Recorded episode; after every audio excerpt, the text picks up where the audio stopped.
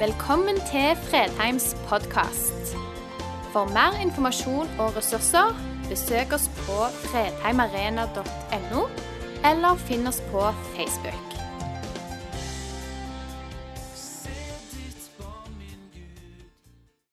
Mange generaler og kampherrer hadde opplevd store seire.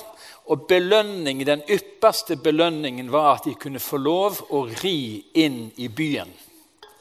Med et stort opptog. Eh, mange av de viktigste slavene fulgte rett bak triumfherren. Og så kom der de store hærtroppene fulgte bak.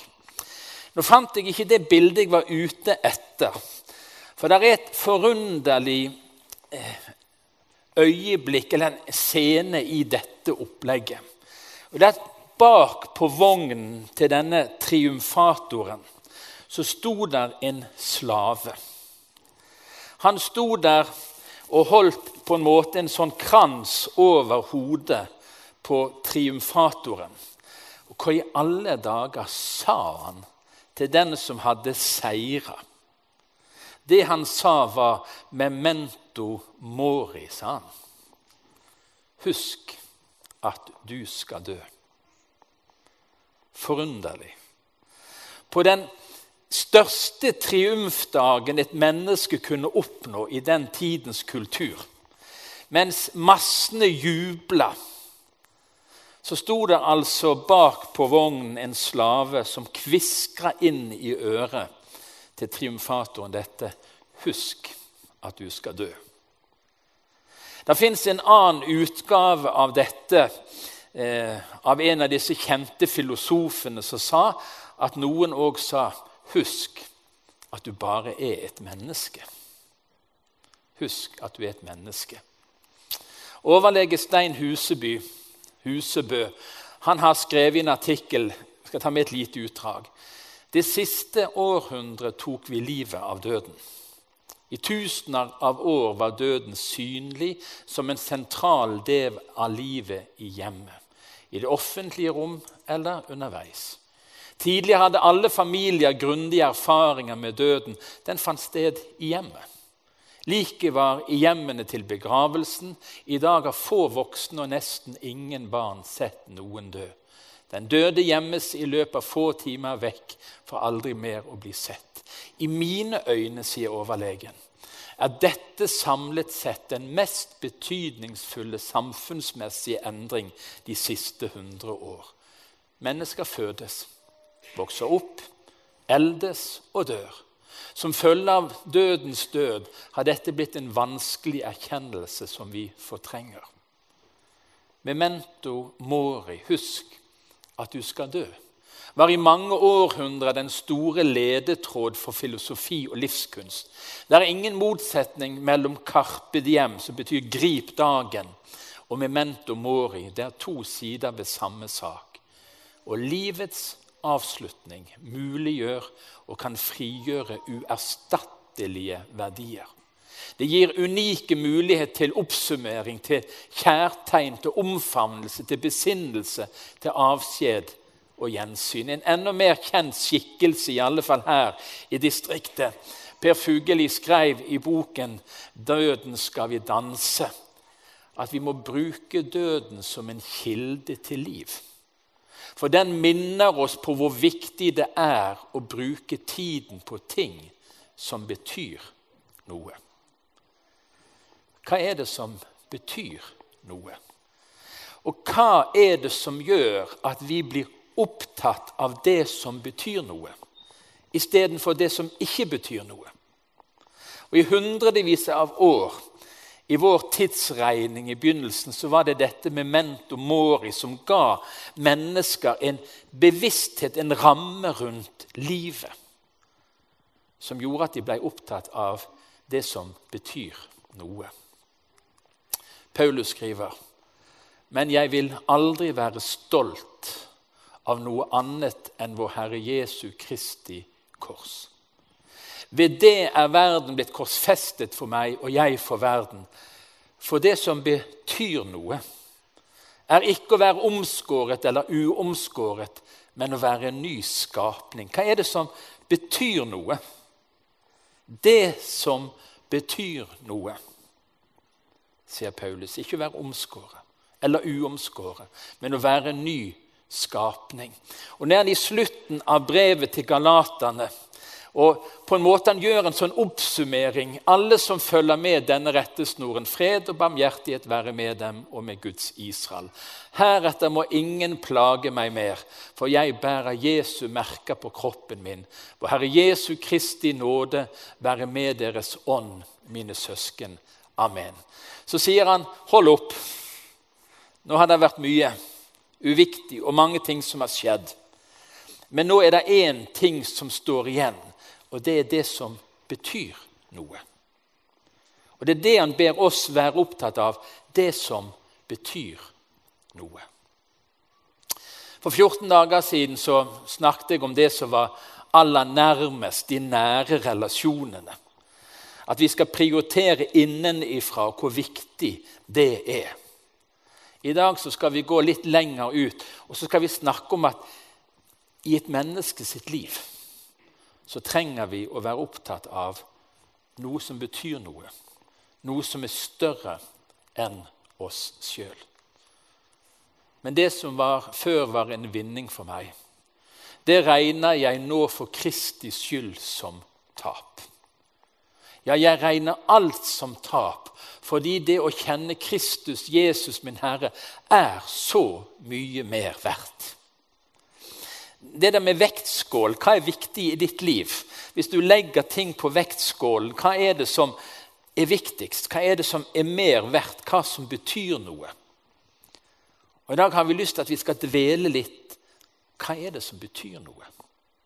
Og Så sier Paulus det å kjenne Jesus. Det er mye mer verdt. Og Vi skal spørre om etterpå mer verdt enn hva. Men jeg har lyst til å si det til deg som er på Fredheim. Og Det syns jeg er så kjekt å se over en forsamling, og så er det alltid noen ukjente ansikt. Og det er spennende. Men nå må jeg spørre deg kjenner du Jesus? Har du funnet det som virkelig er verdt noe?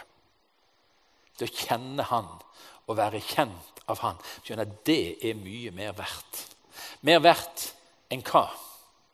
Det var en rik mann som hadde fått god avling av jorden, og han tenkte med seg selv hva skal jeg gjøre? Jeg har ikke plass til avlingen min. Jo, dette vil jeg gjøre. Jeg river ned låvene og bygger dem større. Og Der samler jeg korn og alt jeg ellers eier. Så skal jeg si til meg selv nå har du mye godt liggende for mange år. Her legges det på vektskålen. Slå deg til ro, min sjel. Spis, drikk og vær glad. Men Gud sa til ham, uforstandige menneske, i natt kreves din sjel tilbake. Hvem skal så ha det du har samlet? Slik går det med den som samler skatter til seg selv og ikke er rik i Gud. Hva er det som betyr noe? Hva er det som veier tyngst i våre liv? Og Jesus hadde en, sånn, en nydelig setning som jeg har brukt i flere sammenhenger, til og med i en begravelsestale er ikke livet mer, sier Jesus. Hva er det som er verdt noe? Det var forunderlig for noen år siden å tale i en begravelse og bruke denne teksten 'Er ikke livet mer?' Og Ett år etterpå så kom noen som hadde vært i den begravelsen. Den setningen fra Jesus hadde stansa opp hos de. Og Så kom de og spurte det må jo være noe mer.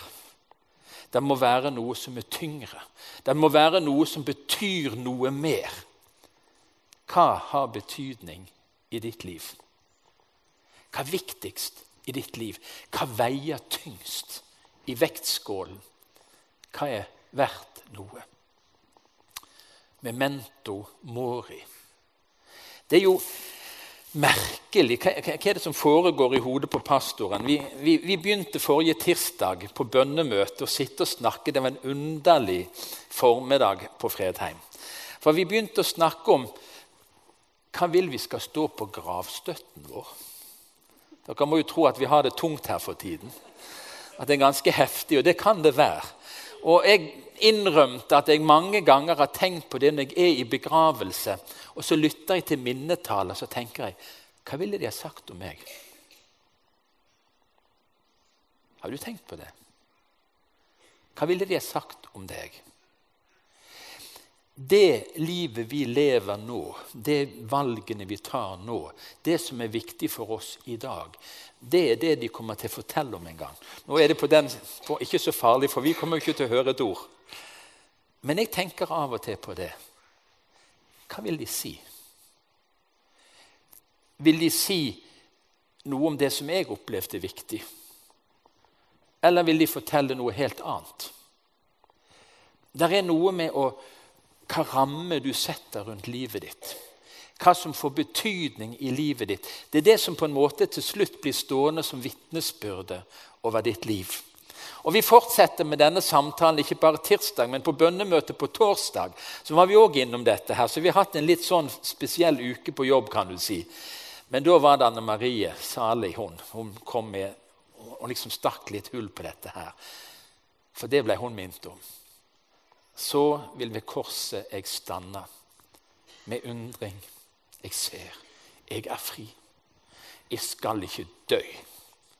Jeg skal leve med Jesus til evig tid. ikke er det flott? Husk at du skal dø. Men døden for et Guds barn, det er broen til livet. Det er ikke det vi skal være opptatt av. Vi skal være opptatt av en dag så kommer det en oppstandelsesmorgen. Vi skal gjennom døden alle, men vi skal inn i oppstandelsen, og vi skal ikke dø. Vi skal leve med Jesus til evig tid. Hva betyr noe for deg? Hva har vekt i ditt livs vektskål? hva betyr noe for andre, så er vi da utsendinger for Kristus. Og det er Gud selv som formaner gjennom oss. Vi ber dere på Kristi vegne, la dere forsone med Gud. Og Vi sa det på bønnemøtet her oppe på podiet klokken fem over halv elleve i formiddag. Det er nesten litt skummelt. Det er nesten sånn at det er litt for stort, i alle fall til at det er behagelig. Men ditt liv og mitt liv kan ha evighetsbetydning for et annet menneske sitt liv. Det er sannheten. Det rette ordet i rette tid. Ikke det perfekte ordet, men kanskje det snublende livsvitnesbyrdet om Jesus er det som setter et annet menneske på sporet av Jesus. Det er som Gud sjøl formaner gjennom oss. ikke det flott? Du har et liv som kan bety en evig forandring for et annet menneske. Og så har vi dette her, ja, men er det nødvendig med ord? Han stakkars salige munken en gang, han er liksom blitt tillagt dette her om nødvendig med ord. Det er ikke sikkert han noen gang sa det, Frans av Assisi. Det er ikke sikkert det er historisk korrekt. Ja, folkens, det er nødvendig med ord så kommer da troen av det budskapet en hører. Så kommer da troen av det budskapet en hører. Og budskapet kommer av Kristi ord. Jeg sier av og til på litt spøk at det er farlig å gå på gudstjeneste. Ja, Hvorfor det? Jo, du kan bli frelst av det. Ja, Hvordan kan du bli frelst? Du kan høre et ord som går inn det ene øret, og hvis det ikke går ut det andre, så kan det ende nede i hjertet. Noen av de gamle på bedehusene når vi snakker om gamle, da er de gamlere enn meg, så snakker de Vi fikk et ord, sa de, som løste oss. De hørte et budskap som åpna dørene for dem. Som åpna hele på en måte forståelsen. Det var et ord. Det kan vært et så enkelt ord at for så høyt har Gud elska verden. Og da er du med. sant? i verden, der er du med. Så høyt har Gud elska meg. Og så hører en et ord. Det er farlig å gå på gudstjeneste, for du kan bli frelst av det. Og det er farlig å gå på gudstjeneste hvis du sløver. Du kan bli fornya av det. Ja, Du kan bli våken av det. Det kan forandre. For Guds ord er virkekraftig, levende, skarpere enn noe tvegasverd. Guds ord kan skape en forandring. Men er det bare ord? Jeg lever jo liksom av ord. Det er det som er min greie. Men det er så befriende å lese. Romane 12,20. Men er din fiende sulten, så gi ham mat. Er han tørst, så gi ham drikke. Gjør du det, samler du glødende kull på hans hode. Den er heftig. Jeg syns det ser galt ut av glødende kull under beina. Jeg de som prøver seg på det. Og Skriften oppfordrer ikke til det, da, å la ungene gå gjennom ilden. Og ikke høres det bedre ut å få glødende kull på hodet. Men det er et eller annet gjort i Jesu navn. Det er noe som vi kan få lov å gjøre i godhet for andre mennesker, som på en eller annen måte gjør at det, det svir litt. Det åpner opp for en større dimensjon. Vi har et oppdrag som Guds barn. Å være opptatt av det som betyr noe, både for oss sjøl og det som betyr noe for andre. Efeserne 2,10. For vi er Hans verk, skapt i Kristus Jesus, til gode gjerninger som Gud på forhånd har lagt ferdige for at vi skulle vandre i dem. Det er et eller annet hjelpeløst med oss. Jeg beklager du som vil være et sånn positivt bekreftende budskap om din egen verdi. Vi er håpløst, hjelpeløst fortapt. Ikke kan vi frelse oss sjøl. Det gjorde Jesus. Sånn er det. Men det er jo der håpet ligger. At han gjorde det. Og ikke klarer vi å fikse livet vårt sjøl heller. Til og med de gode gjerningene som Gud tenkte vi skulle gjøre, de måtte han legge ferdig for oss. Altså, Vi finner ikke på det der sjøl. Men tenk hvor stort det da er at du er skapt i Kristus Jesus. Og i dag ligger det noe foran deg. En god gjerning. Der ligger noe som kan gjøre at det begynner å svi litt i hodet til noen. Kan begynne å bli litt sånn ubehagelig. Det er fantastisk å lese misjonshistorien, hvordan godhet vist i Jesu navn. Med å åpne mennesker for en ny dimensjon. For det som er viktig. For det som virkelig betyr noe. Jesus vandret nå omkring i alle byene og landsbyene. Han underviste i synagogene, forkynte evangeliet om riket, helbredet all sykdom og plage. Og da han så folkemengden, fikk han inderlig medfølelse med dem. For de var forkomne og hjelpeløse som sauer uten gjeter.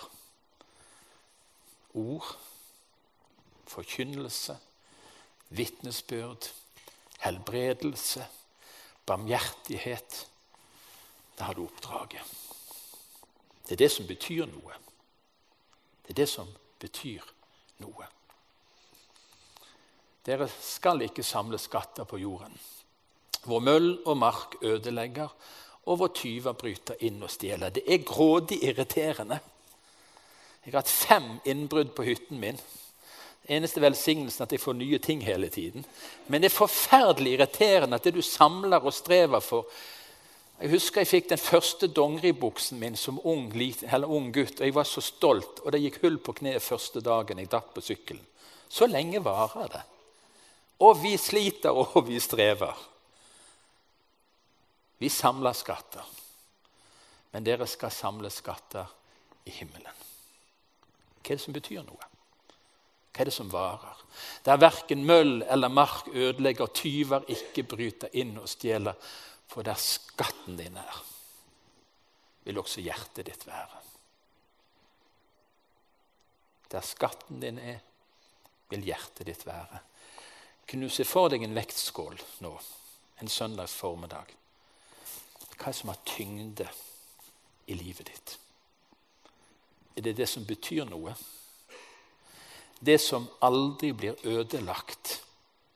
Eller er det det som ruster og irriterende slites og blir ødelagt over tid? Og så, Tormod, et så nydelig vitnesbyrd. Og dette er evangeliet i tjenesten, folkens. Vi har denne skatten i leirkrukker. ikke det er flott? En leirkrukke er ikke særlig sterk. Den er skjør. Og Veldig ofte når du finner en gammel leirkrukke, så er det knust et skår i den. eller har det gått en sprekk i den? Det er ikke så farlig for at den veldige kraften skal være fra Gud og ikke fra oss selv. I ditt skrøpelige liv, som ikke lenger er topp i helse, som ikke alltid er sterk i troen, som ikke alltid er så frimodig og utagerende. I ditt liv som tror på Jesus, bor der en skatt. Der bor der en skatt. Der bor Jesus. ikke det flott? Vi går rundt på gode dager og på dager vi ikke har lyst til å putte inn i hullen eller noe som helst. Så kommer Gud, og så kan gjøre under i mennesket sitt liv. Det er ganske spesielt. Han fikk en profetisk sånn, bønn når han ba. Jeg sto på en søndag i Kleff frikirke og talte ganske vanlig. og Etterpå så ble jeg kjefta huden full. Da kom en dame fram som sa 'Hvem har sladra?' sa hun. Hva du tenker på? Du talte jo bare om meg, sa hun. Nei, det gjorde jeg ikke. Jeg talte ikke et ord om deg. Jo, du talte bare om meg. Hva var det for noe? På en vanlig dag så hadde Gud et menneske som han ville berøre med det som betyr noe. I dag denne søndagen ser du på Fredheim fordi Gud ønsker at du skal bli opptatt av det som betyr noe. Det som er viktig. Og nå, Dere som var for 14 dager siden, vet hva som er viktig. hvis dere husker tilbake igjen. Dette handler ikke om å si om alt det nære ikke er viktig. Det handler ikke om at det i den ytre ringen er det som skal prioriteres. Men vet du hva? Det er viktig det er noe som er viktig. Det er en skatt som varer evig. Og du bærer denne skatten, Jesus, i deg, sånn at andre mennesker kan få møte ham. Å leve Gud og mennesker så nær. At det merkes at Jesus bor i meg, og at Hans nåde preger min hverdag i ord og gjerning. Kanskje så enkelt er det store oppdraget. Det misjonale livet. Det som kan få evighetsbetydning for mennesker. Det er du invitert til å leve. Skal vi be sammen? Takk for at du valgte å høre på. Nye opptak legges ut hver uke. Vi har gudstjenester hver helg, og du er hjertelig velkommen.